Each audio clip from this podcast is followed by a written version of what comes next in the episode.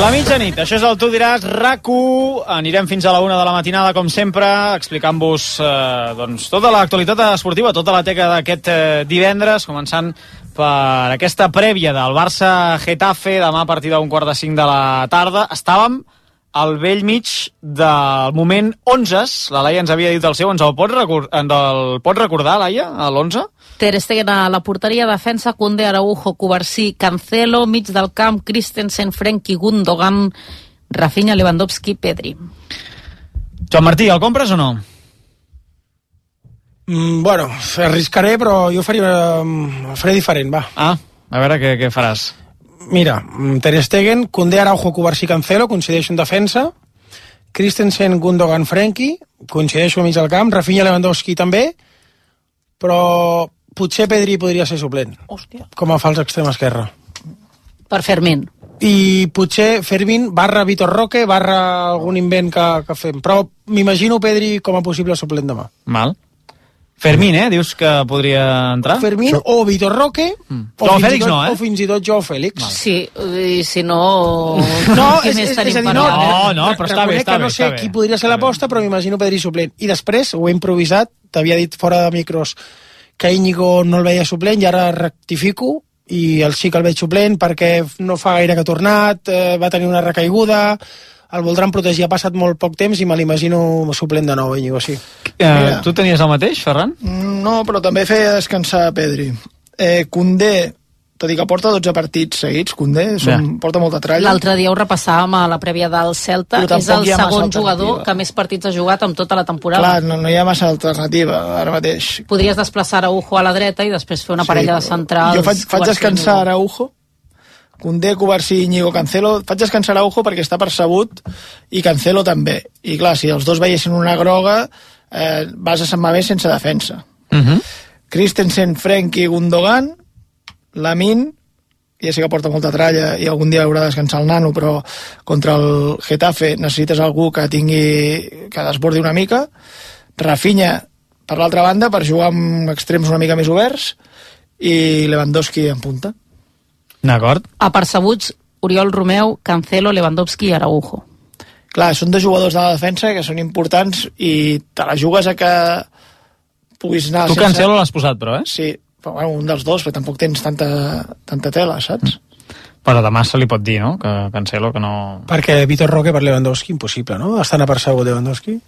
Jo no ho veig. No, això. no, no. Ara està en bon moment. A Víctor Roque déjalo, déjalo mandarlo a Brasil. Eh, yo estoy de acuerdo con el 11. Pu- Al final dejaste, porque veo ahí todo tachado. ¿Dejaste Cubarsí o Íñigo? Covarsí, eh? Yo estoy de acuerdo con el 11 de la, de, de la EA, pero que dejo a Íñigo. Y después sí. Y la duda que tengo es la, la misma que tienen eh, Tony y Ferran. Yo a Pedri lo sacaría y pondría en un partido así físico un motorcito como, como Fermín. Mm. I... Fermín, no entenc perquè no, hauria... Poc protagonisme, no, últimament? Sí, sí, sí. I un Ha jugador que, dels 11. molt intens, que, bueno, dels 11 i de les segones parts. Bé, sí, bàsicament, sí, sí, que, que és, especialment un jugador protagonista al segon temps. Sí, sí, perquè per el que portava l'equip, per, també pel caràcter... ¿Cómo que... está entrenando? No ho sé, Ah. no veiem els entrenaments. No, no, no. Ningú li dona cap oportunitat a Oriol Romeu. Vols dir alguna cosa? Potser... No, no, no, pregunta. Yo pregunto a ustedes que saben tanto. Pregunto, ¿cómo está entrenando? Nada más. Com està entrenant Fermín? Claro. Sí, no, no, ningú t'ha no t'han respost. Oriol Romeu jo crec que no està per jugar 90 minuts o per jugar d'inici complicat, eh? Val. Potser demà ens sorprèn, perquè, però pels seus No, problemes però- de genoll que té, no? Pero Christensen para un partido contra... Getafe. Sí, sí. I No des- sé, para que te Però s'ha de rodar, no, també, Christensen? Necessita...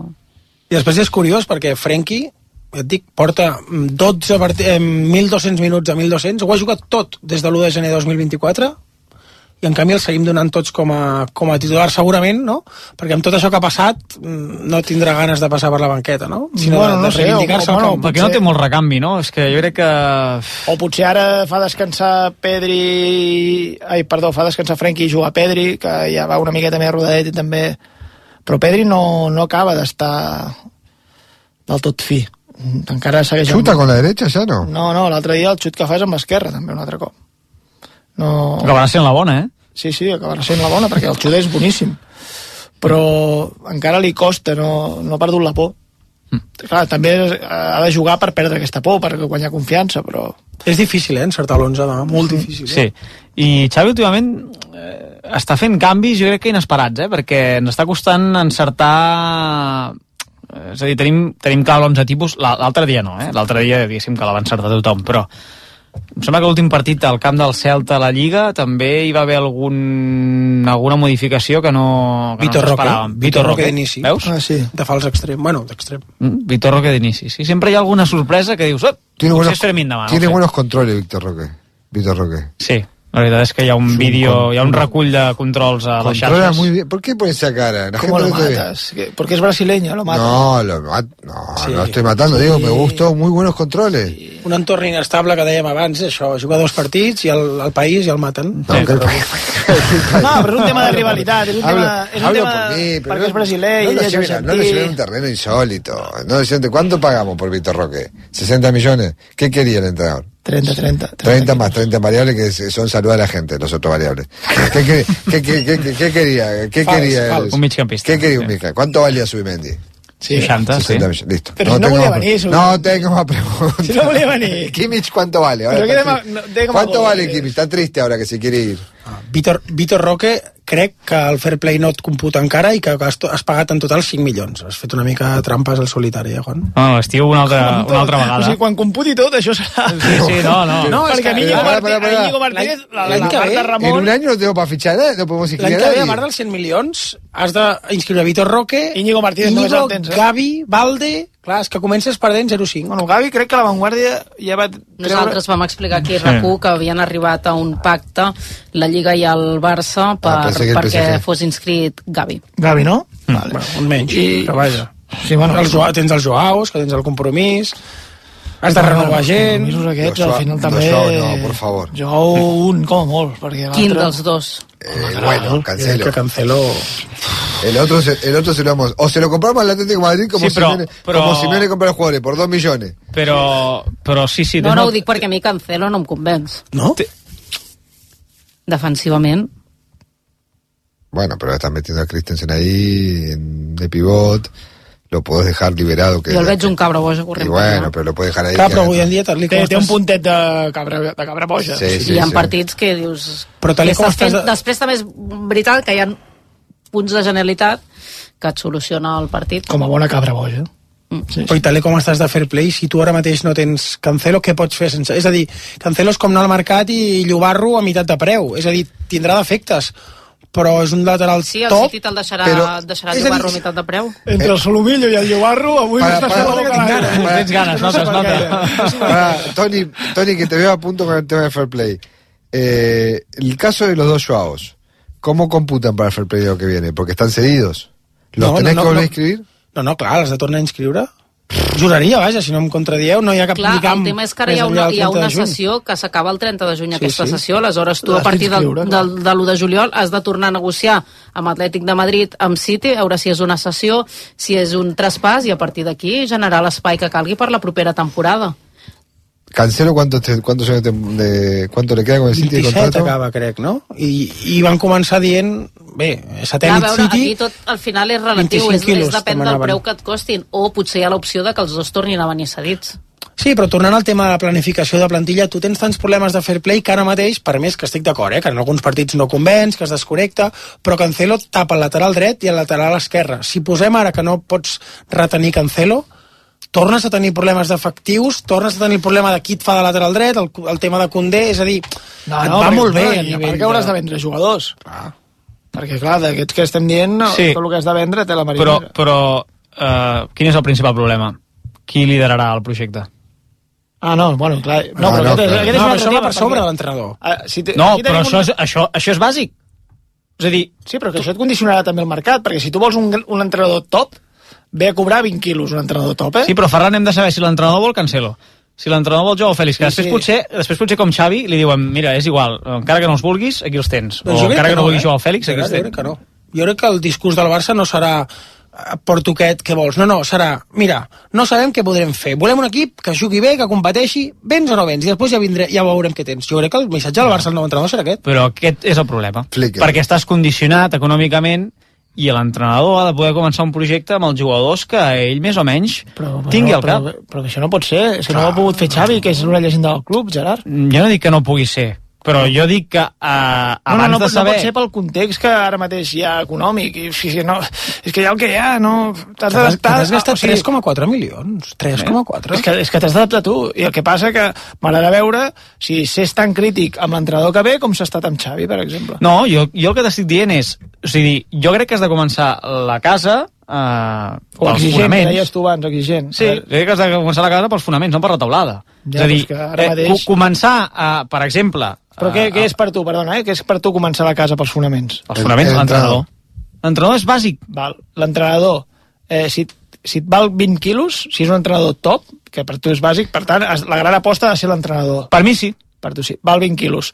I aquest entrenador, si té... ¿Pero a quién quieres fichar por 20 kilos? ¿A Klopp? Bueno, si és un entrenador top, no, però què et penses que valdrà? Tuchel què deu cobrar? Amb el Tuchel, después de los ridículos que viene haciendo, te tiene que venir gratis. Sí, bueno, No, no, gratis sí, però amb un sou, eh? Ha guanyat... No, no, però 20 quilos, o, o sigui, són bruts. O sigui, I això et computa a nivell de fair play. No, però pot, és veritat que pots fer-ho ascendent, com fa el Barça sempre, no? Bueno, el primer contracte... Oh, però, és igual, que després si... sí, després si el el té fora, que pagar tot. Clar, la, i aquests sí que no et perdonaran, eh, els que venen de fora. Si tu li fas un contracte de 3 anys i li fas 60 milions bruts en 3 anys, els hi hauràs de pagar. I això sí que et computarà el fair play. És que jo no veig realista que el, que el, que el No, no, jo no passi dic... per l'entrenador. És que jo no dic... Jo dic que hauria de passar per l'entrenador, com en tots els No, clubs, però, però... però, però això no és, reali és, no és realista. Vale, doncs aquí és el problema de- d'aquest Barça. És a dir, jo No, m'imagino... però és que aquest context ja, ja ara fa 3 anys que el tenim. Ah, bueno, doncs, doncs O potser t'hauries d'haver centrat... Covid, Potser en Covid comptes de, de, potser en comptes d'haver-te gastat eh, Ja, molts però calés en, en els jugadors, Però ja te'ls has, ja te'ls has gastat, Gerard. Ja, ja, no... però, però eh, si fessis net del tot, podries anar a buscar un entrenador i podries començar un projecte com Déu mana. No, eh, mira, primer vendrem aquest, després l'altre, i després li direm a l'entrenador, mira, tens aquests jugadors. Clar, després pot ser... És, és normal que a vegades els projectes no surtin bé. Clar, clar. Però si és, fas- però és que és el que li ha passat a Xavi. No sé. És que si fas net, faràs net el 26 d'agost, quan col·loquis a Rafinha, l'Al i l'Al. Ja. És a dir, i que vas a buscar un entrenador a l'agost? No, jo l'únic que dic és intentar no anar sempre amb l'aigua al coll. Mm, A Rafinha, a Rafinha lo pueden colocar antes. Hace falta. Bueno, pero- ja ho veurem, eh? Perquè has de Bueno. negociar, el jugador farà veure que no vol marxar, que és la realitat, després acabarà acceptant, però el que et vull dir és que jo crec que, com m'imagino la negociació de dir com un entrenador, és la nostra idea és aquesta, aquesta, aquesta, però no puc parlar de noms propis perquè no sé quin fair play tindrem.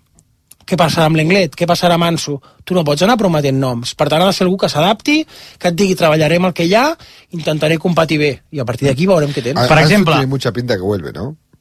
Sí. No sé, l'altre dia estava sopant a casa de, de Servi, que avui, per cert, ha, ha explicat en la roda de premsa que a vegades ho fa, això de, de convidar els jugadors a sopar o a dinar, i Ansu era un dels jugadors de la plantilla del Brighton que estava sopant a casa de, de Roberto de Servi. Això feia Cruyff, també, no? Mm. Eh, T'anava a posar un altre exemple. Mira, ja trec el nom, el de Frenkie de Jong. Avui, Toni, que has avançat aquesta reunió aquesta tarda en un restaurant de- d'aquí de, de Barcelona, entre Deco, el director de futbol del Barça, i el seu representant, Ali Dursun. Vist imatges també de, de Gigantes que han gravat l'entrada de, de Deco en aquest restaurant i també d'Ali Dursun, trobada confirmada. Eh, esclar, o sigui, De Jong és una peça estructural del club, estic d'acord, però l'entrenador que eh, arribi al Barça potser té la intenció de fer-lo jugar a un altre lloc o potser vol jugar a un altre mig centre. Però a veure, bueno, De Jong és, és, és una peça estructural del club. No ho sé. Entonces, ¿por qué contaminan? No, no, si no és una peça estructural del club, fins que no arribi l'entrenador, mm, no s'hauria de decidir sí, un mig camp, si un se'l renova, un, inter- un interior ven... del Barça que porta un gol ¿Es interior?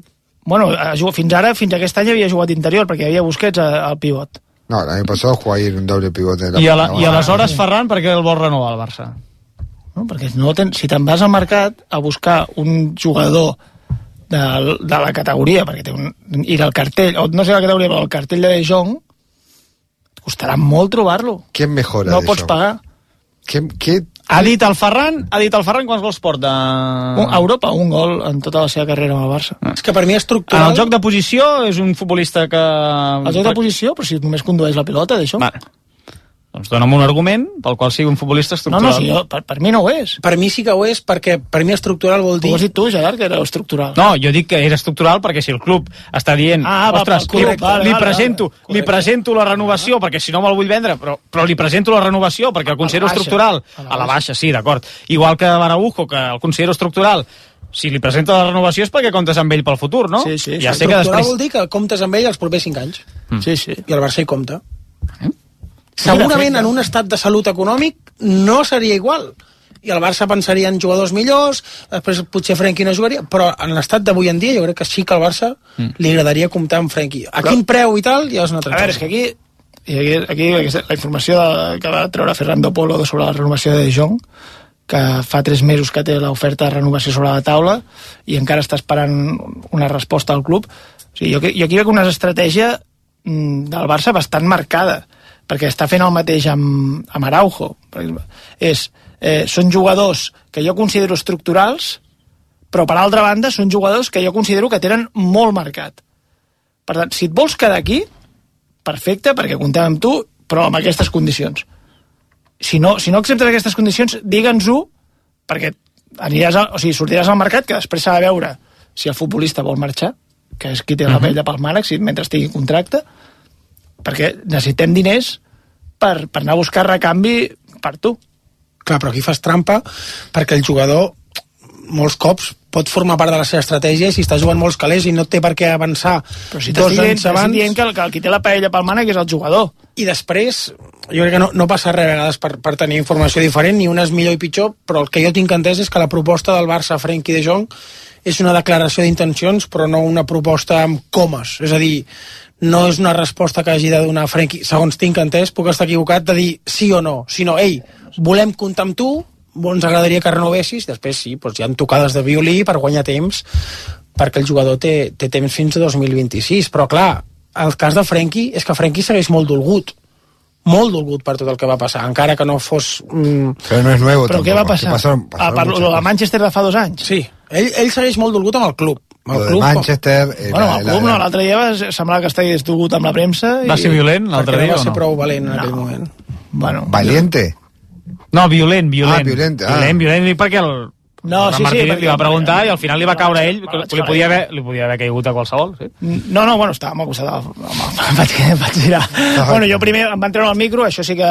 Sigui, No et va molestar, potser, perquè li podies... Perquè jo, no, jo... no, perquè quan fas la pregunta, a mi el, que, sí, que no tingués com el dret a rèplica, No, quan li vaig tot... dic en ser- jo no, clar, no, hi- no hi havia la càmera del periodista i Clar. a, a mi, jo, clar, va haver un moment de silenci, em va estranyar que... Però, clar, no sabia que no tenies el micro. No, no, clar, no tenia el micro i, i sí que repreguntes, però ell eh, en aquell moment també el, de, el cap de premsa del Barça doncs, ja va com recollir per, perquè veia que, que Sí, s'estava sí, sí. escalfant tot plegat, no? Eh, bueno, no, no, en aquell moment doncs, em vaig girar, després amb el Juan doncs, fèiem conya fins i tot, però jo crec que ell es va equivocar i ell també, pel que sé, van, bueno, es penedeix també de... Ho va reconèixer, de fet, de, després A va fer Movistar, entrevista no? a Però bueno, Movistar sí, i va reconèixer també- que, que és que s'havia equivocat i crec que Sí. internament també que, que es va escalfar i que malgrat tenia Sí, com sí. un discurs clar, no? Mm, es va ¿Quién, desviar. quién fue el gran fa- ¿Quién creen que, perdón, preguntar, ¿quién creen que fue el gran favorecido de la rueda de prensa de, de Frenkie de Jong? ¿Quién salió beneficiado? Qui en va sortir beneficiat? El Barça. El Barça, tu creus? Jo crec que no. Jo crec Perquè, que, perquè el Barça... To, Ell, surt, ell surt a una prèvia d'un partit, el partit més important de la temporada, i crea, vull dir, i crea un incendi a, a la, amb la premsa quan ell el considero una persona intel·ligent, eh, crec que ha de saber que, a més, és que les informacions que treu, en aquest cas, Mundo Deportivo, jo crec que ell, que ell creu informacions, perquè nosaltres, per exemple, no hem parlat mai del seu sou, eh, crec que era algú altre parlava dels 40 milions, nosaltres mai hem parlat del seu sou, sempre hem dit que eh, ara està cobrant, de fet sempre m'ha explicat i justificat que ara està cobrant més perquè en el seu dia va diferir, va diferir però no hem parlat mai, mai hem entrat en xifres concretes. I crec que ell, ell està bastant dolgut pel tema del sou pel que va, perquè ho diu des del Mhm. Sí, sí, principi. sí, sí. I aquí ell diu després és que ahir a la, quan vaig arribar jo no, no, no havia tornat a escoltar la resposta y el mundo deportivo y otros eh, estáis, es- están escribiendo mucho sobre este tema, no sé què, tal. Sí que és veritat que qui cita Mundo Deportivo em cita perquè acaba de sentir Ah, la meva fer tu la presentació pregunta, i... sí. però vaja, que no... O per algun col·laborador, en aquest cas. Potser alguna informació que li molesta a ell sobre els seus suposats desitjos. Per al no? Canut. Jo no, el Canut, el Canut quan parla de, dels seus desitjos ho La parla... primera vegada que ho fa és a No, TV3, no, és que el Mundo Deportiu no n'ha parlat. No n'ha parlat. Ho, ha parlat, ho jo parlar... ell, ell 11. relaciona això. Tinc la sensació que ell... No dic, no dic encertadament, eh? Jo, Però la sensació jo, que no, jo no sé si. De Jong sap que Canut és col·laborador del diari, no ho sé. Però vaja, que... Mm, és igual, independentment d'això, crec que ell creua cables i després es- se'n penedeix i ja està. Vull dir, tampoc li, jo ja no li dono més. A mí la sensación que me da, eso esa pregunta, es que eh, el club evidentemente no sale favorecido. Él evidentemente no sale favorecido. Pero deja un mensaje, que es exactamente el mismo mensaje que termina transmitiendo el entrenador. En la prensa, en el desgaste. Cuando tanto él, Frenkie, como Xavi, Exacte, això és el que. Sí, saben, los dos saben, que el que filtra o el que comenta esos o sea, el que le dice a, a X medio o a tal medio, no, no se lo sacan, no se lo inventan, no es que lo encontraron un papel en la calle. No, no, és que de se fet dice a el la club. informació de, sobre la renovació que afirma Fernando Polo eh, especifica en tot moment que és segons fuentes del club. Per tant, ja t'està dient d'on surt aquella informació, mm. de dins del club. Sí, sí. Vull dir, si és el club que, que, que, que, que el club Bueno, és que el club Però- en el seu dia va treballar per donar una informació i, i des del club també es va filtrar que hi havia indicis de criminalitat en el contracte de De Jong fa dos anys. I això surt del club. Hicieron- fons del club, Però per això dic que el club de surt beneficiat. Juan, el club surt beneficiat perquè si Frenkie de Jong, que a mi em va agradar molt l'exercici de personalitat que va fer, però li va faltar una cosa, igual que ataca la premsa, atacar el club, perquè com tu dius, els periodistes no ens inventem les notícies i, i els mitjans que sigui no s'inventen les notícies, sinó que venen del club. Per tant, a Frenkie de Jong li va faltar si ho considerava oportú, donar un toque, el club no va ser prou valent. No, però no, club però, això, surt... però, però, Toni, és egoista. O sigui, en el partit més important de la temporada Sí. del Barça, demanar a ell, Correcte. que això s'ha de dir, que la gent ho ha de saber, ho ha de saber. demana a ell sortir a parlar per intentar matar aquest tema i carregar contra alguns mitjans que justament no hi eren aquell dia a la roda de premsa. I, i després surt allà, no aconsegueix fer el que, el que, el que es proposa, crear un incendi descomunal, eh, la prèvia eh, és tot sobre De Jong, i, i, i després, o sigui, no, crec que no, no, no es cull bé, no es cull bé De Jong, o sigui, és egoista en aquest sentit. Però quan dic que el Barça surt beneficiat, no, no vull dir el Barça com a equip vestidor, sinó el Barça a nivell de despatxos, perquè ara el Barça ha tingut l'ocasió de, el relat, a, a recolzar Frenkie, estem amb ell, és veritat, s'ha mentit molt sobre ell, quan té un punt cínic, perquè, com tu bé deies, és del Barça d'on surten, segons quines informacions Pero- respecte pero a si hi ha oferta a De Jong o no. Hace dos años lo de Manchester United, la soft the record, contra lo que cobraba Frenkie, que cobraba 51, cada vez, cada off the record que había cobraba más. Un día parecía que estaba cobrando como Messi, 150 millones por año. Eh, No, no, és que la, la, me'n recordo la frase indicis de criminalitat Y después eso. en el contracte de De Jong. Sí, sí. Que por cierto, había firmado el- Y la no misma res, no, renovación, no, no. había firmado la misma renovación que Lenglet, Ter Stegen y Piqué. Sí, tal qual. Sí, sí. Lenglet no está en el club, pero eh, Piqué en ese momento sí, Ter Stegen ja ha renovat. y, y, Ter Stegen, y Ter Stegen también. Sí, però Ter Stegen sí que ha fet un gest, i en aquest sentit sí que... És a dir, Pero hablo de la criminalidad, la criminalidad que no Yo existió. culpo- De, hecho, de hecho, ¿dónde está? Ese- Sí, sí. es- ¿Dónde está ese? Nunca llegó a los juzgados eso. No, però jo culpo el club de la, del, del joc brut que va fer en Frenkie el 2022. Per mi va ser molt... No sé quina és la traducció al català de Barrio Bajero, i, i, i de fet, en certa mesura, m'agrada que... És a dir, entenc que Frenkie estigui ressentit, però crec que, tot i defensar Frenkie pel malament que es va portar al club, també ho hauríem de dir, i crec que s'ha comentat poc, i jo sóc defensor de Frenkie, que es va aprofitar d'una situació i això s'ha comentat poc. Ell sap que fa, tant ell com l'Englet com Piqué saben que fan una renovació al límit de la legalitat, una nit abans de- d'una dimissió, és a dir, tampoc crec que siguin sants, no? I no s'ha comentat, i no se'ls ha posat... Más que, mira, yo más que eso, en ese caso particular, para mí es ir a- a- de espaldas a sus compañeros. Sí, sí. De espaldas a sus compañeros. Porque estaban buscando una negociación conjunta. Messi y Busquets, que eran los que llevan adelante eso, y ellos cuatro. Eh, Lenglet, eh, que no puede tener ningún vínculo con el club. Él, que dice que es el club de sus sueños. Frenkie de Jong, todo acá que habla. Eh, Stegen, que quería ser capitán. Y Piqué, que era supuestamente un símbolo. Eso, más que si lo hicieron por Bartomeu, si después se termina renunciando Bartomeu, no sé cuándo termina renunciando Bartomeu, pero... Una setmana després, una cinc semana dies después. després. Eh, a mí eso me parece ir de espaldas a tus compañeros. Bueno, de hecho, a partir de ahí apareció la pizarra de traidor, De ¿no? traidor. Sí, sí. Al final, aquí tot, tot es resumeix en què eh, ell... Um, hi havia un titular del Joan Jupallàs a l'avantguàrdia el dia després que la primera vegada que De Jong passa l'atac és a, a la roda de premsa perquè és un futbolista que ell parla molt d'expectatives eh, bueno, la informació que va donar Canut en el seu dia és que ell eh, creia que el, no, el Barça no havia complert les expectatives sí. Eh, que, ell que ell creia i evidentment De Jong tampoc ha cobert les expectatives eh, que s'esperaven d'ell. El Barça havia de ser el millor migcampista del món eh, o d'Europa de la- d'aquesta dècada i està molt lluny de ser-ho. Però tampoc I els, nu- Griezmann i els números, complert, i els números, l'ara. És a dir, el context... Griezmann, bueno, sí, sí, el context, però és que porta molts anys aquí amb diferents entrenadors, amb diferents contextos, a- amb Messi, amb sense Messi, amb, amb, Amb Busquets Xavi, o sense. a- amb Busquets o sense, ara jugant de pivot, que és la seva posició, i, i estem parlant d'un futbolista no, i, i que només fa que conduir, conduir, conduir, conduir. Sí, sí. No sé. I a més condueix, condueix, condueix, condueix, però després tampoc té arribada, perquè porta eh, Bellingham en un trimestre ha fotut més gols que ell en 6 anys al Barça. Sí, són dos jugadors Sí, sí, diferents, perfils diferents, sí, sí. però, I però estic d'acord en el que dius de... de jo, jo això, això ho entenc, si tu has marcat un gol només a Europa, però ets, eh, diguéssim, Sí, una Nàpols, peça clau una peça clau en el joc posicional, o, o ets Busquets, no? Mm, vull dir... Que no és un futbolista tampoc d'un joc posicional. Per això et dic que si et quedes a mig camí... i L'únic no que va fer és que venia de l'Ajax, d'un gran Ajax, que el recordava... Pero el el- otro el- hablábamos con, hablábamos con Gerard. Sí, ¿Dónde sí. están todos esos Exacte, grandes del parlàvem amb la Ajax? tertúlia del divendres El, passat. el Clar. viernes pasado fue. Sí, sí, res, res. O No sea, n'hi ha hagut nada. cap que hagi explotat de forma brutal a el que deies abans del col·lectiu, Gerard. También, por otro lado, hablando con, con técnicos, no del Barça, sino de otros equipos, hablan de eh, un jugador con un potencial eh, técnico eh, muy alto que quizás se puede explotar de otra manera. Y ahora paso a, a- opinar yo.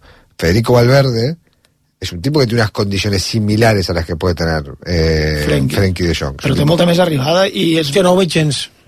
¿No lo ves?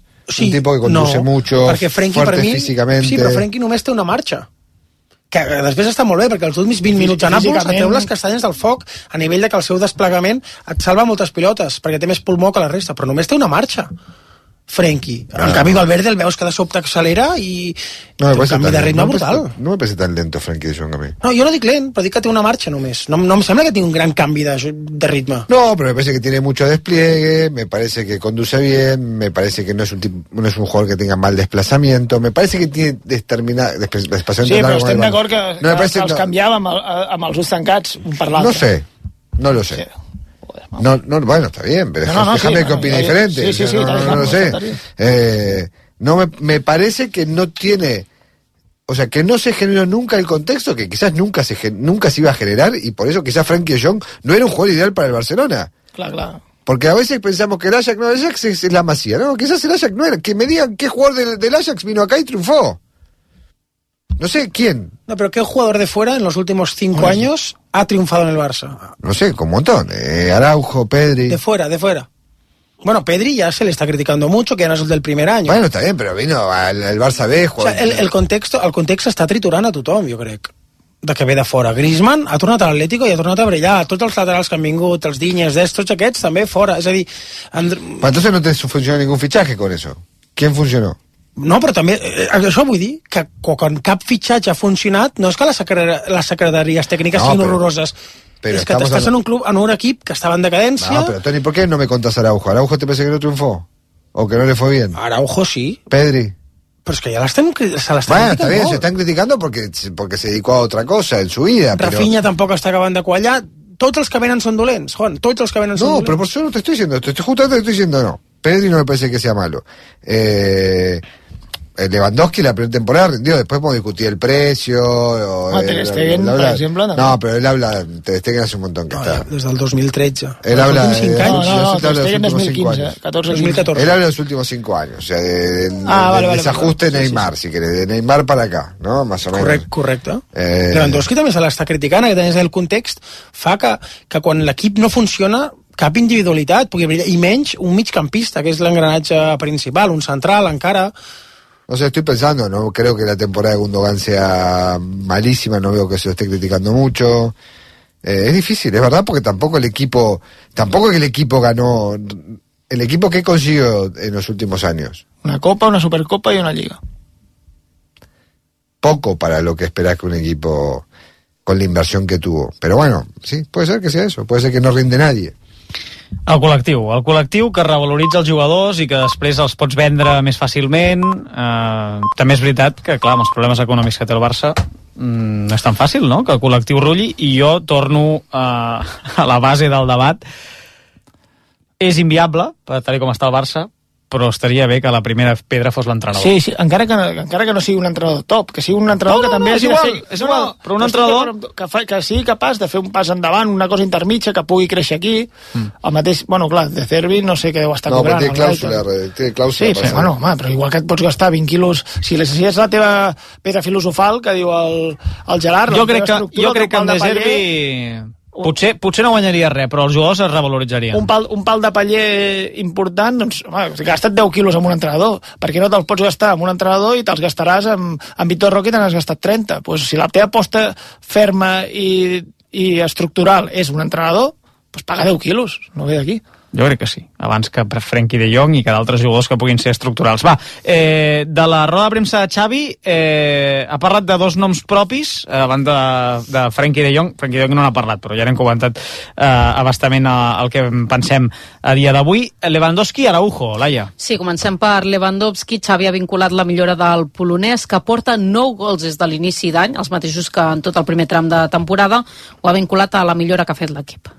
Bé, jo crec que el Robert també és, és conseqüència de, de la millora de l'equip. Jo crec que l'equip ha millorat en molts sentits del joc i per això el Robert també té més ocasions de gol, està més ben posicionat, ataquem i defensem més ordenats i crec que tot això millora a qualsevol jugador que participi i el Robert doncs, potser ha tingut més efectivitat en els últims partits però crec que és fruit de que, de que estem millor posicionats, que ataquem millor, que defensem millor, que estem més intensos crec que hem fet un, una millora en els últims partits i per això el Robert també ha millorat en, en els números no?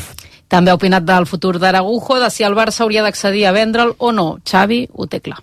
Para mí no hay duda, para mí Araujo es el, el presente y el futuro del, del equipo, del Barça. Es un, ya es uno de los capitanes, uno de los líderes de tanto dentro como en el vestuario y pienso que es un futbolista fundamental para el futuro del, del club, sí. També li han preguntat sobre com hauria de ser o quines qualitats hauria de tenir el seu substitut a la banqueta. Aquí no s'ha mullat, l'únic que ha dit és que creu que ha de tenir ADN Barça. Això pel que fa a l'actualitat de, del Barça, del Getafe, de Bordalàs, que hem de saber, Laia, del rival de demà? que després de patir les últimes temporades per salvar la categoria, enguany el Getafe està a la zona còmoda de la taula, és desè a 6 punts d'Europa i té 17 punts de marge sobre el descens. Aquesta posició fa que afrontin el partit de demà amb tranquil·litat i sense pressió. Els madrilenys han viatjat avui a Barcelona amb les baixes de Rambarri i Jordi Martín. Abans, Bordalàs ha volgut enviar un missatge d'ànim a les víctimes de l'incendi a València i d'agraïment a tot el personal que hi està treballant i ha tornat als elogis a Xavi. Hi ha hagut avui un, un flux d'elogis de Sí, Barcelona intercanvi de a Madrid. Sí. Mm. Yo también tengo un, gran respeto y admiración. eh, y bueno, los entrenadores estamos muy expuestos, eh, todos lo sabéis. Y mi reconocimiento también a Xavi, porque no hay que olvidar que ha ganado una liga y una supercopa. Y parece que, que se nos olvida, ¿no? Muy rápido. Y obviamente tiene mucho mérito, ¿no? En un momento de dificultad, en un club grande, pero en un momento de dificultad enorme y con rivales que están en su mejor momento, ¿no? No es sencillo, es fácil. El Getafe mai ha guanyat contra el Barça del local, 16 derrotes i 4 empats i els precedents que hem repassat abans, eh, que en els últims 4 partits entre catalans i madrilenys, una victòria del Barça per la mínima i 3 empats a 0. Demà xiularà Muñiz Ruiz i al bar hi haurà Prieto Iglesias. Compta amb Mayoral, segon màxim golejador de la Lliga, 15 gols, i compta amb Greenwood, que em sembla un jugador, diguéssim que de nivell superior al que seria un equip com el Getafe. De fet, El- ja està per les circumstàncies Sí. de, del seu passat al, al United. Anglaterra, sí, sí. Uh, al final no va ser condemnat per, per abús sexual. De fet, diria que encara se li van retirar, se li van retirar els, els càrrecs i crec que continua amb la, amb, amb la seva parella però vaja, que Anglaterra jo crec que ja difícilment el seu futur passa per la, la Lliga Anglesa tenint en compte mm, diguéssim la valoració que en fan allà de, de tot, el que, de tot el que va passar i de fet no sé si molts clubs, el Getafe va ser crec que un dels únics que va apostar per ell, però no sé si molts clubs estarien ara mateix dis disposats a assumir la contractació d'aquest futbolista, que com a futbolista, insisteixo, pel Getafe, eh, el nivell que té és bastant superior, diguéssim, a la, a la mitjana dels futbolistes de, de l'equip entrenat per Bordalàs. Demà m'estava una mica de sorra, nois, eh? Un quart de cinc de la tarda, una mica de cafè, Joan Martí, no t'adormis, eh? No, eh... jo crec que el petit pot ser interessant. El Getafe té el tòpic, el clitxer d'equip avorrit, que fa faltes i tal, però no és dels equips que més estanca, i Xavi ho ha explicat perfectament. No, no, no, no per suposat, que... però vull dir que si és dels equips, és dels equips que més frena el joc, etc etc. Vull dir que una mica de sorra, una mica de sorra sí que hauràs d'abastar una mica. Sí, eh? eh? Jo crec que sí. Gràcies, nois, eh? Toni Joan Martí, Juan Irigoyen i Ferran Martínez per aguantar aquestes hores de la nit quan passen 5 no, minuts de, de dos quarts d'una. Sí, no? Sí. Sí, sí. Ha estat intensa la tertúlia, especialment amb Frenkie, amb Frenkie de Jong. Sí. Sempre, sempre allarguem, sempre anem tard. Sempre, sí. No, però avui anem no, no, avui sí, anem no, ja, com que anem bé de temps, anem aquí conversant, eh? Jo, ai, ai, ai, això, encara, això encara no passa Farem una pausa. Me gusta mucho el jersey de, de Laia Coil. Sí, no? Sí, és com raro, ¿de què? Me'l van portar els Reis. Ah, ah mira, sí que et portes bé. Sí. El Juan Irigoyen, si no pot comentar jerseis... A mi me gusta comentar mm, Morenós o pentinats, no és feliç en aquesta tertúlia. Gràcies, Juan. Gràcies, Ferran. Gràcies, Vinga, Toni. Bona nit. Gràcies, Laia. Bona nit. Una pausa i de seguida sentim reaccions de la victòria de la selecció espanyola que s'ha classificat també pels Jocs Olímpics de París i per la final de la Lliga de les Nacions que jugarà contra França. Hem de fer la prèvia també del partit de l'Espanyol de demà. Uh, sentirem Ramis, partit importantíssim, Eibar Espanyol Espanyol i vindran també, evidentment, el Naveira i el Camí a fer la volta al món a parlar una mica de futbol internacional. Ara tornem. RAC 1 Sabadell s'estrena com a capital de la cultura catalana. Vine a l'espectacle inaugural el dissabte 24 de febrer a les 7 de la tarda al Parc Catalunya. Podràs gaudir de l'Orquestra Simfònica del Vallès, Brodes Bros, 31 Fam, Rosa Renom i Juan Manuel Cañizares, entre d'altres, en un espectacle totalment gratuït. Sabadell, capital de la cultura catalana. Tots aquells que ja condueixen el número 1 se senten únics, especials. I ara, perquè més gent pugui sentir aquesta increïble sensació, Hyundai posa a la teva disposició el Tucson amb unes condicions immillorables. No esperis més i gaudeix ja de la increïble sensació de conduir el número 1 en vendes. Xarxa de concessionaris Hyundai de Barcelona. Necessites comprar-te un cotxe? Vine a Mundiauto, disposem de més de 600 vehicles a preus excepcionals. Més de 120.000 persones ja han adquirit un vehicle a Mundiauto. Ara et toca a tu. Mundiauto, al centre comercial de l'automòbil al Prat de Llobregat. Mundiauto.com Mundiauto ja tens un nou concessionari oficial Jeep a l'Hospitalet de Llobregat i a Molins de Rei. Dimo Auto, molt a prop de tot i de tots. Dimo Auto t'ofereix àmplies instal·lacions on podràs veure, conèixer i provar tots els models Jeep. Dimo Auto, el teu nou concessionari oficial Jeep a l'Hospitalet i Molins. Dimoauto.com. Molt a prop de tot i de tots. RAC 1. Tu ho diràs, amb Gerard Ballera. Hem explicat a l'inici del programa Espanya 3, Països Baixos 0, semifinal de la Lliga de les Nacions. En aquest partit, eh, Espanya classificada per primera vegada en la seva història per uns Jocs Olímpics en la categoria de futbol femení. Hola, Albert Ferran, què tal? Bona nit de nou. Bona nit. Hi ha hagut reaccions, evidentment, sí. a aquesta notícia, per on comencem? Mira, comencem per l'MVP del partit, que està la blaugrana Ona Batlla, que, que vaja, estava emocionada per poder jugar uns Jocs Olímpics. Es algo que creo que es muy especial, es algo único, que no muchas veces se hace y bueno, ahora lo vamos a disfrutar. Ha estat protagonista una batlla i també Vicky López, eh, que ha sortit a la segona meitat i ha debutat amb la selecció espanyola absoluta amb només 17 anys. Avui ha tingut minuts a la segona meitat i al final del partit també les seves companyes l'han mantejat. Muy contenta, la verdad. Agradecer a Monse la oportunidad y pues, seguiré trabajando para que sean muchos más partidos con la selección. Sí, soy vergonzosa, no me, no me gustan estas cosas, pero agradezco el apoyo que me han ofrecido desde el primer momento que he llegado y estoy muy agradecida de que sean mis compañeras. Dos documents de la seleccionadora espanyola eh, Montse Tomé. Eh, primer, què sentia després de viure moments complicats, recordem-ho, quan va agafar les regnes del combinat espanyol. Me siento feliz por, por las jugadoras, por el cuerpo técnico que hemos eh, pasado momentos complicados y ahora creo que disfrutamos de la profesión, lo siento eh, y tenemos, es un día para disfrutar. I també sobre la convocatòria de cara a la final de dimecres contra França. Avui han quedat fora dues futbolistes, entre elles Alexia. De cara a dimecres, pensa repetir aquesta mateixa llista de convocats?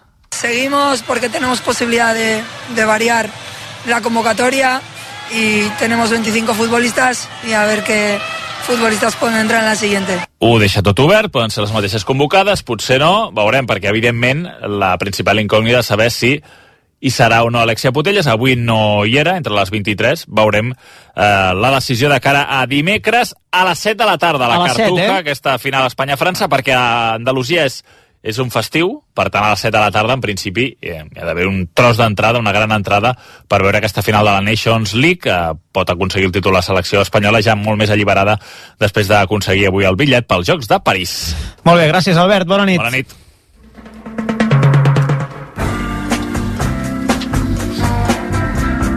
Això a Sevilla, a la Cartuja. Eh, demà l'Espanyol disputa un partit clau per fer-se amb una de les places d'ascens directe a primera. Hola, Joan Camí, bona nit. Hola, bona nit. L'Eibar és el principal rival dels blanquiblaus que jugaran a Ipurua a partir de dos quarts de set de la tarda i, com sempre, eh, en directe a rac tot i que demà diria que tu em corregiràs, Camí. Demà la primera, Primera part, part, és a través de l'app i el web, a través de RAC més 1, i després ens reincorporem a rac eh? Tingueu en compte això. Estarem fent el postpartit del Barça-Getafe, per tant, demà la primera part a través de l'app i el web, a través de RAC més 1, i després, a partir de la segona meitat, ja sí, en directe a rac què hem de saber d'aquesta prèvia? Doncs que l'Espanyol jugarà sense Pol Lozano ni Fernando Calero, que avui no s'han entrenat amb el grup i, per tant, no han entrat a la convocatòria. S'afegeixen a les baixes de Nico Melamed, Omar Sadik i Edu Expósito. L'Espanyol, com dèiem, obligat a guanyar a l'Eibar per prendre-li aquesta segona plaça. Que pisar hay que llegar, hay que progresar, los esfuerzos tienen que ser los adecuados. Bueno, esto es, ¿no? Y hacerlo con confianza. Creo que se van a enfrentar dos muy buenos equipos, por eso están donde están en la clasificación. Y, bueno, pues ellos intentarán hacer valer su factor casa y, y la bueno, y la posibilidad de sumar puntos que hagan alejarse de donde de uno del otro en la clasificación y nosotros de ponernos por delante. Creo que es lo bastante ilusionante y ya nos ha pasado en algún momento de la temporada en los que ganando podíamos haber accedido a esos dos primeros puestos, que de momento te da un posible ascenso directo o la posibilidad. Y esto es lo que queremos, porque es lo que perseguimos, quedar lo más arriba posible y mañana tenemos una nueva oportunidad. I no serà fàcil perquè el rival, l'Eibar, no perd a casa des de fa 11 mesos. Eh, ellos lo hacen pequeño, el campo está bien, eh, gradas encima, la sensación de presión, de mucha más presión, pero es que ellos presionan, ¿sabes? Y apretan y la gente está cerca, sí. No, aparte no solo eso, ¿eh? Es que tienen una estructura buena, tienen buenos jugadores, en casa muchísima confianza para trasladar lo que quiere su entrenador, eh, mucha variedad. En, en todo lo que tienen, juegan directo, te pueden hacer daño, mm, juegan combinado, te pueden hacer daño, diferentes también estructuras, capacidad para llegar al área de forma individual, a través de centros, a través de la espalda, se mueve bien en espacio reducido, un equipo muy, muy completo. Quintero González serà l'encarregat de dirigir el partit amb Andrés Fuentes al bar. Doncs aquesta és la prèvia de l'Eibar espanyol a partir de dos quarts de set, com dic, la primera part al web i a l'app, a través de RAC més 1, la segona a RAC 1. No et moguis, Camí, no et moguis, que m'està esperant el Dani Aguilar per explicar-nos eh, i per confirmar-nos la notícia que us va avançar a RAC 1, però no et moguis, que de seguida fem la, la volta al món i saludem també el, el Jaume Naveira.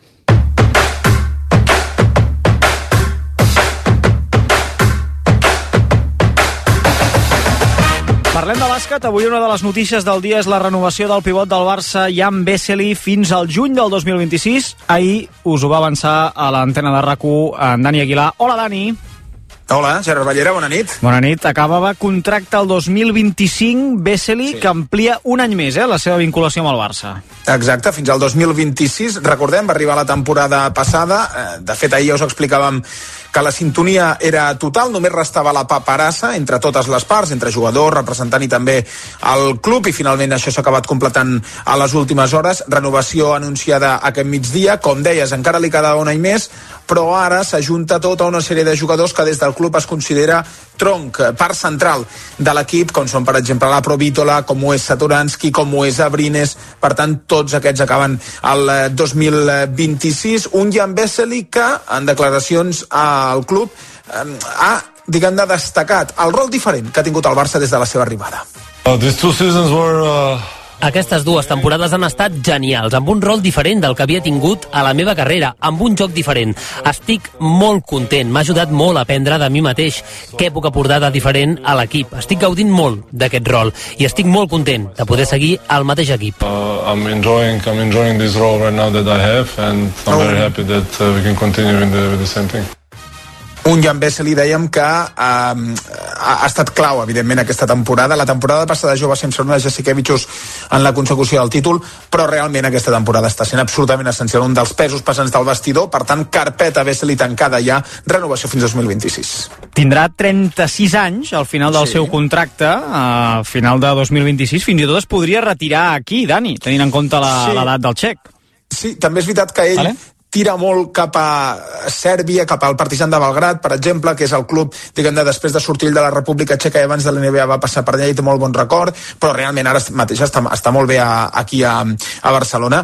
Eh, és per mi, Gerard, una notícia essencial. Mm. Vull dir, tenia diferents carpetes, té diferents carpetes obertes al Barça ara mateix, eh, en té tres, jo crec, les tres grans carpetes, que són Vesely, Kalinic, Parker, més enllà de l'asterisc de Ricky Rubio. Aquesta per mi era clau, era vital.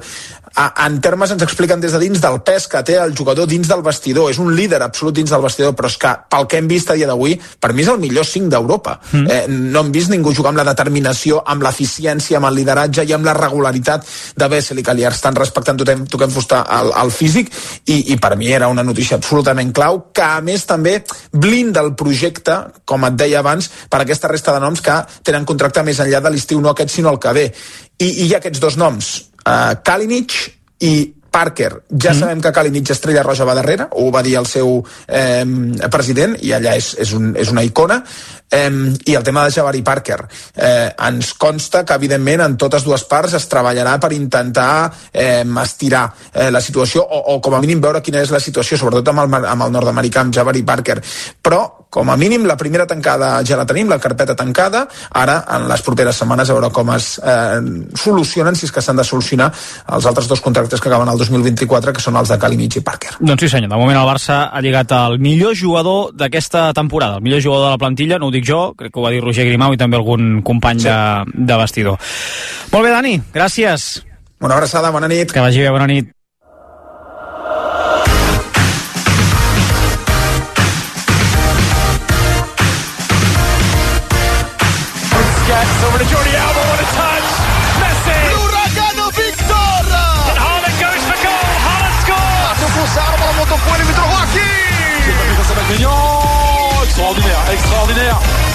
La volta al món.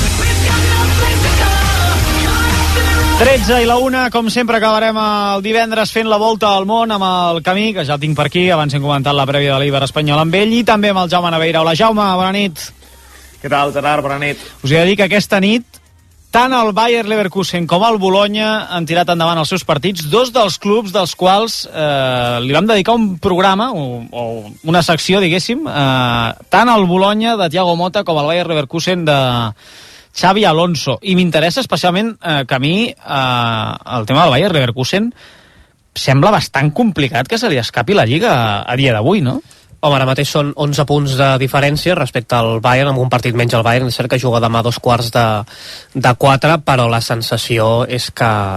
Perquè normalment quan, quan veiem aquestes diferències, no? primer és que el Leverkusen ho perdi gairebé tot i que el Bayern ho guanyi gairebé tot i tenint en compte la temporada de l'equip de Tuchel, doncs eh, jo crec que és pràcticament eh, impossible. 11 punts, potser demà tornen al, als 8, però tenint en compte que ja han jugat entre ells, veig molt difícil que, que se li escapi la Bundesliga a un Bayern que mai l'ha guanyat, per cert. És Exacte, seria la primera vegada en tota la seva història. I això que dius a mi em sembla molt, molt important. Eh, ja s'han enfrontat entre ells. I a més, eh, l'averaix particular l'ha guanyat el, el Leverkusen. Vull dir que, és que no, no sé, no sé eh, per on li pot retallar punts al Bayern, que ja hem vist que és un Bayern que no està fi, que Tuchel ha dit que plega a final de temporada, etc etc. Avui 2 a 1 contra el Mainz, contra un equip que, que anava penúltim. Ha estat, no ha estat el millor partit del Bayern Leverkusen. ha estat superior, no ha generat el mateix volum que altres partits i de fet els gols, si podeu repassar el segon que és eh, una menjada espectacular del porter del, del Mainz, que ara mateix no sé qui... Ha fet un Carius, no? Una mica? Sí, Un Carius. Eh, un xut centrat que ell no, no, no aconsegueix agafar la, la pilota, se li escapa i se'n va, se'n va cap a dins de la, de la porteria. Bé, són aquests partits que quan estàs en una dinàmica positiva doncs aquestes pilotes eh, t'acaben entrant, tot i que, repeteixo, ha estat eh, superior l'equip de Xavi Alonso. Això pel que fa al, al Bayer Leverkusen. Pel que fa al Bologna, eh, avui ha guanyat 2 a 0 contra el Verona, té 48 punts, és quart. El cinquè és l'Atalanta amb 45 i després el sisè és la Roma amb 41. És veritat que encara ha de jugar, però és que compta perquè molt probablement a Itàlia el cinquè també anirà a la Champions.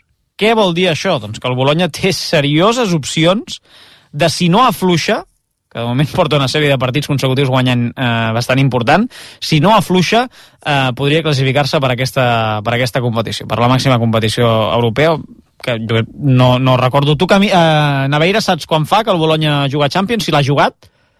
eh, la Champions no l'ha jugat 100% i no sé si algun cop va jugar a la Copa d'Europa, eh, que tinc dubtes, la veritat, de si algun cop l'havien jugat entre l'any de la temporada 55-56 i la 91-92, que és les temporades on es va jugar la, la, la Copa d'Europa amb aquella denominació, però la Champions segur que no l'ha jugat mai. Mm. Ara estava mirant per aquí i diria que a la 60-61 potser, Naveira. Una vegada. Eh, Alguna recopa i ara- Copa ara- de la UEFA i a la Copa d'Europa de la 60-61 diria que, que hi va I, participar. I, i, i, i, i, I ara acabo de veure que, que van guanyar la Sèrie A l'any 64, o sigui que a la temporada 64-65 haurien d'haver jugat la Copa d'Europa. També, tot i que per no em surt doncs aquí el- estem el parlant que fa estem parlant que fa pràcticament 60 anys, no? Eh, que, no que no la disputen. déu nhi Dues de les històries, sense cap mena de dubte, de, de la temporada al futbol europeu. Parlant d'històries, a, a la Bundesliga, a, avui ja no, si no em corregeixes, Camí, però en els últims partits havíem vist protestes dels aficionats. Havia rebut algun missatge fins i tot de... Escolta, per què hi ha pilotes de tennis i, i d'altres objectes a, a la gespa dels partits de la Bundesliga? Per què s'aturen els partits? No ho entenc. Camí, per què ha passat això i per què s'ha resolt? Perquè em sembla que ja, ja està. Sí, de fet, aquest dimecres es va decidir per, per unanimitat tancar la porta a la possibilitat que entressin inversors externs a la, a la Bundesliga. Per això hem vist aquestes protestes. De fet, eh, s'ha tancat la porta a continuar amb el procés que ja s'havia iniciat eh, l'any passat, perquè sí que es van fer votacions, però tenint en compte totes les protestes, com deies, el president de la Bundesliga ha decidit no continuar aquest procés. De fet, al desembre es va fer una votació i va sortir majoria absoluta, de dos terços dels equips van votar a favor i el vot determinant va ser el del gerent del Hannover, Martin Keane, en contra de la voluntat del seu club. De fet, hi ha hagut moltíssimes protestes dels aficionats del Hannover mm. eh, en contra del, eh, del seu gerent, en aquest cas Martin Keane, perquè eh, en contra de la voluntat del club ell va acabar votant eh, a favor i, i per això doncs, aquestes protestes. A partir d'aleshores es van organitzar totes aquestes protestes que hem vist aquestes setmanes, durant tres setmanes, per ser exactes, en gairebé tots els partits que han provocat que la Bundesliga tanqui ara per ara l'entrada de nous inversors que anaven a, a portar. De fet, s'havia promogut un nou acord a partir del qual la Lliga hagués guanyat per una participació d'un inversor al voltant del 8% al llarg de diversos anys, 20 es parlava, entre 900 i 1.000 milions eh, d'euros. Bé, es torna a demostrar que la Bundesliga segurament menja part respecte mm -hmm. al futbol europeu i que el poder que tenen les aficions doncs, acaba tancant la porta a contractes multimilionaris que en qualsevol altre país s'haurien acceptat. I, i, doncs sí. I no és que les aficions tinguin poder, sinó que les aficions protesten, cosa que sí. potser no passa tant a d'altres països, d'altres països sí. com per exemple aquí mateix. Eh? o sigui que Sí, sí. Eh, eh, eh, realment doncs, això és una mica el que fa la diferència, no? doncs que els aficionats allà són molt més contestataris. De fet, un dels eh, eh, fons d'inversió que volia entrar a la Bundesliga era CVC, eh, que sí que va entrar a la Lliga Espanyola eh, i ja sabem amb quina fórmula va ser. Eh, ells eh, doncs, donaven una quantitat de diners eh, determinada a canvi de eh, rebre doncs, un percentatge dels drets de televisió, que en el cas de CVC era durant 50 anys, veritat? Eh, Mm, sí, sí, perquè, sí. de fet, el, el Barça havia aconseguit que el seu acord fos per 25, quan va vendre el mateix concepte. Uh, o sigui que la Bundesliga doncs, s'ha posat en, en contra d'un acord similar a aquest. Aquí no, no es protesta per res, eh, Naveira. A Anglaterra per la Superliga, potser per l'entrada d'inversors no, però per la Superliga, però aquí a Naveira ja has vist que no, no es No, no. protesta Per, per, gaire, per gaire res en el món de, del futbol. Si et pugen l'abonament, sí, això sí, Naveira. Uh, si et pugen l'abonament... No, ja, ja, aquí la gent segurament moltes vegades més de queixar-se per Twitter que no de, de, De sortir dur a terme carrer. protestes de veritat. No? Sí, sí, o de, o de fer-ho a, a l'estadi, com ho han fet els aficionats de la Bundesliga. Eh, sis minuts i, i la una. Eh, Naveira, eh, m'has d'explicar la mofa que hi ha hagut a l'estadi del Legia de Varsòvia amb la UEFA. Eh, eren els ultras, no?, de, del Legia? Sí, Sí, sí, sí. Eh, bé, ahir el, el Legia de Varsovia doncs, s'enfrontava una sanció a la UEFA, al seu partit de Conference League davant el Molde, que obligava a tancar la graderia que ocupen els seus ultres.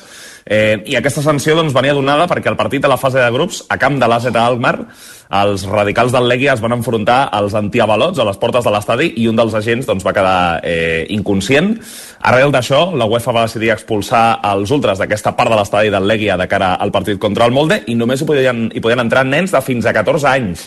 Eh, en aquella graderia hi havia una pancarta que deia This time you won, UEFA, eh, o sigui, aquest, aquesta vegada heu guanyat, UEFA, i aquesta pancarta doncs, ja es podia veure durant l'escalfament. La sorpresa va ser que quan els jugadors van saltar la gespa per l'inici del partit, just abans que sonés l'himne de la Conference League, eh, a lateral de l'estadi, que és la graderia que més es veu per televisió, va aparèixer un tifo amb una pancarta que deia Surprise motherfuckers, que significa sorpresa, fills de puta, mentre es llançaven focs artificials a la vora de l'estadi, deixant clar que els ultras eh, s'havien situat en aquella part del camp i havien esquivat la sanció de la UEFA. Cal dir això sí que, eh, tot i que és cert que tot això té una certa eh, eh, crosta d'enginy i tal, eh, els ultras del Legia són molt perillosos i són gent molt conflictiva. La UEFA els ha sancionat per molts motius al llarg dels anys.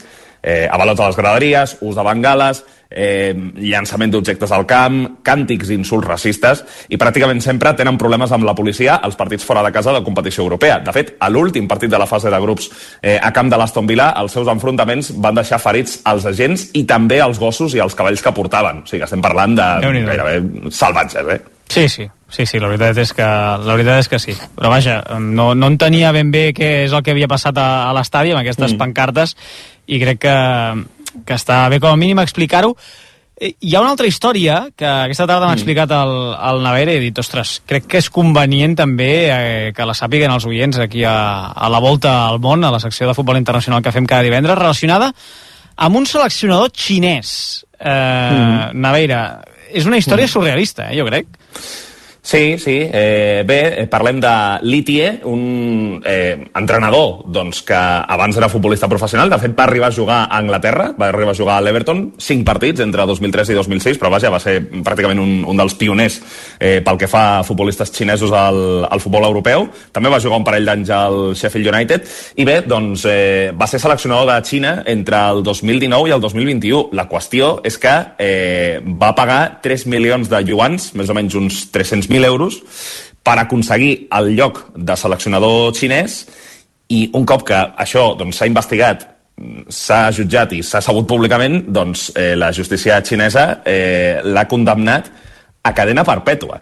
Eh, i, i, i- no només, bé, no només per això, o sigui, és que eh, també eh, l'ITIE doncs, eh, havia pagat diners per comprar partits i que els eh, clubs eh, als quals ell havia dirigit, recordem que havia sigut entrenador de la Lliga Xinesa a equips com l'Ebei China Fortune o el Wuhan Zal, doncs eh, aquests equips es van veure favorits per aquesta trama de compra de partits i eh, l'ITIE doncs, ha sigut eh, empresonat doncs, durant la resta de la seva vida. O sigui que estem parlant d'una decisió molt radical eh, i, que, i que ha sorprès molt i que sobretot doncs, l'hem pogut conèixer gràcies a un eh, periodista anglès que està eh, vivint a Xina i que eh, és eh, doncs, una persona que informa des d'allà de, del que passa a l'esport xinès i eh, bé, això encara no és sentència ferma però sí que tots els mitjans eh, xinesos ja ho estan publicant, que serà així la, la decisió. Déu-n'hi-do. Déu nhi la història de, del Naveira, sempre amb històries estranyes, eh? El Jaume Naveira en aquesta, Ens en agrada, aquesta secció de, de futbol internacional ens agrada moltíssim, sí, sí. Eh, dos minuts i, i la una. Res, eh, temps per fer...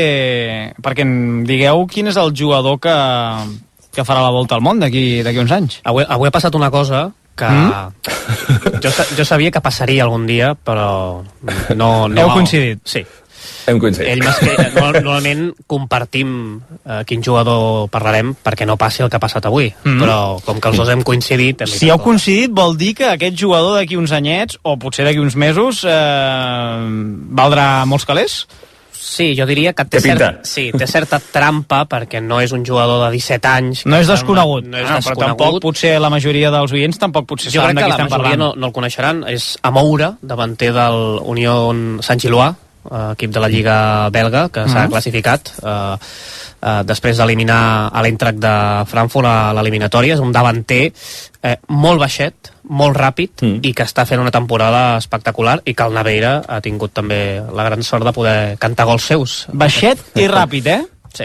Sí, sí, sí. Un, És a dir, amb, amb què el té- compararies? Amb qui el compararies, Naveira, si ara l'haguessis de comparar amb algú? Ostres, eh, doncs eh, la veritat és que...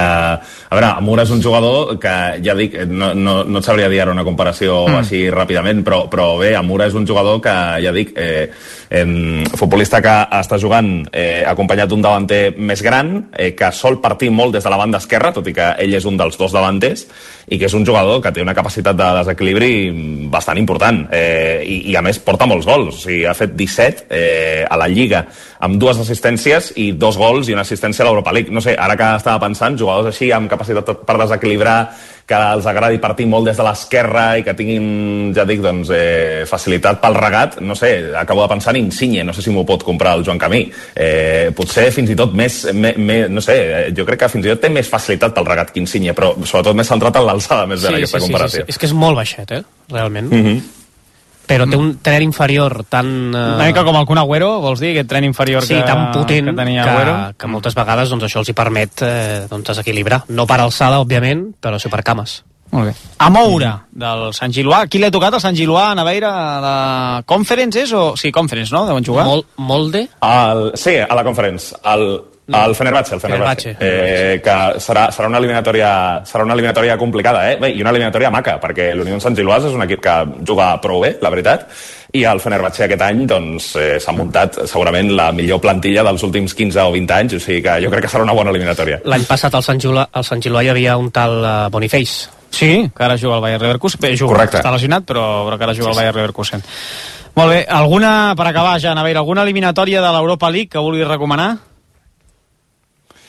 Eh, doncs, a veure, a l'Europa League m'agrada bastant l'eliminatòria entre la Roma i el Brighton. Jo crec que és la que més eh, m'entra així de primeres. Eh, el, el sorteig avui de l'Europa League, per cert, ha portat tres eliminatòries entre equips que ja s'havien enfrontat a la fase de grups. I és que a Carai. vuitens ja no hi ha aquest No ens agrada condicionant. això, no ens agrada. I, i, i clar, doncs eh, ha succeït això. Eh, jo crec que també m'agrada bastant el Milan-Eslavia a Praga, entre, les, eh, entre els partits que no s'han repetit. Jo crec que aquesta pot ser, pot ser maca, eh, la veritat. I, home, el Marsella-Villarreal amb, amb, la, amb, el, amb el morbo no? de la tornada Marcelino-Marsella, home, aquesta també serà maca. Sí, aquesta també s'ha de, també s'ha de veure. Em quedo amb això, eh, amb aquesta recomanació, amb aquest Roma-Brighton. Joan Camí, Joan, Jaume Naveira, ens tornem a veure, com sempre, divendres de la setmana que ve. Un ple. Bona nit. Bona nit. Thank you.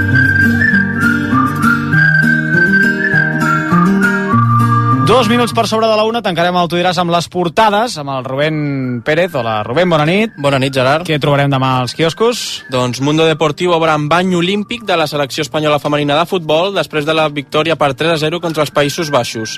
L'esport parla de pacte amb De Jong després de la reunió d'aquest divendres amb, entre Deco i la gent de Frenkie. El club veu el migcampista com un futbolista de futur i esperen sense pressa que renovi. L'esportiu parla de petits passos amb una foto de l'entrenament del Barça d'avui. A Madrid, marca obra en París Allá Vamos, exhibició d'Espanya per classificar-se a la final de la Nations League i als Jocs Olímpics, i l'AS titula Finalistes Olímpiques Històriques amb una foto de Jenny Hermoso i Salma Parayuelo. Molt bé, gràcies, Rubén. Bona nit. Bona nit. I nosaltres ho deixarem aquí. Demà, a partir de les 11, ens hi tornarem a posar per repassar tot el que ha passat eh, en un dissabte esportiu carregat d'esdeveniments, especialment aquest Barça-Getafe, a partir d'un quart de cinc de la tarda, en directe a rac quan passin uns minuts de les 3, quan hagi acabat el RACO migdia, ja ens hi posem, amb tota la prèvia i esports fins eh, a la 1 de la matinada, amb el Barça-Getafe, amb l'Eibar espanyol també a partir de dos quarts de set de la tarda, amb el Superesports i el Tu diràs, com dic, aquí a les 11 ho rematarem. Que vagi bé, fins demà.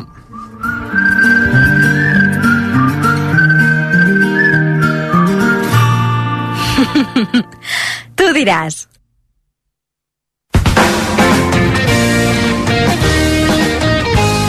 RAC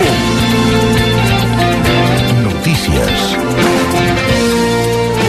Adrià de les Heres Bona nit. Passen 4 minuts de la una. Les autoritats valencianes redoblen els esforços per atendre els afectats per l'incendi que va cremar 140 habitatges aquest dijous.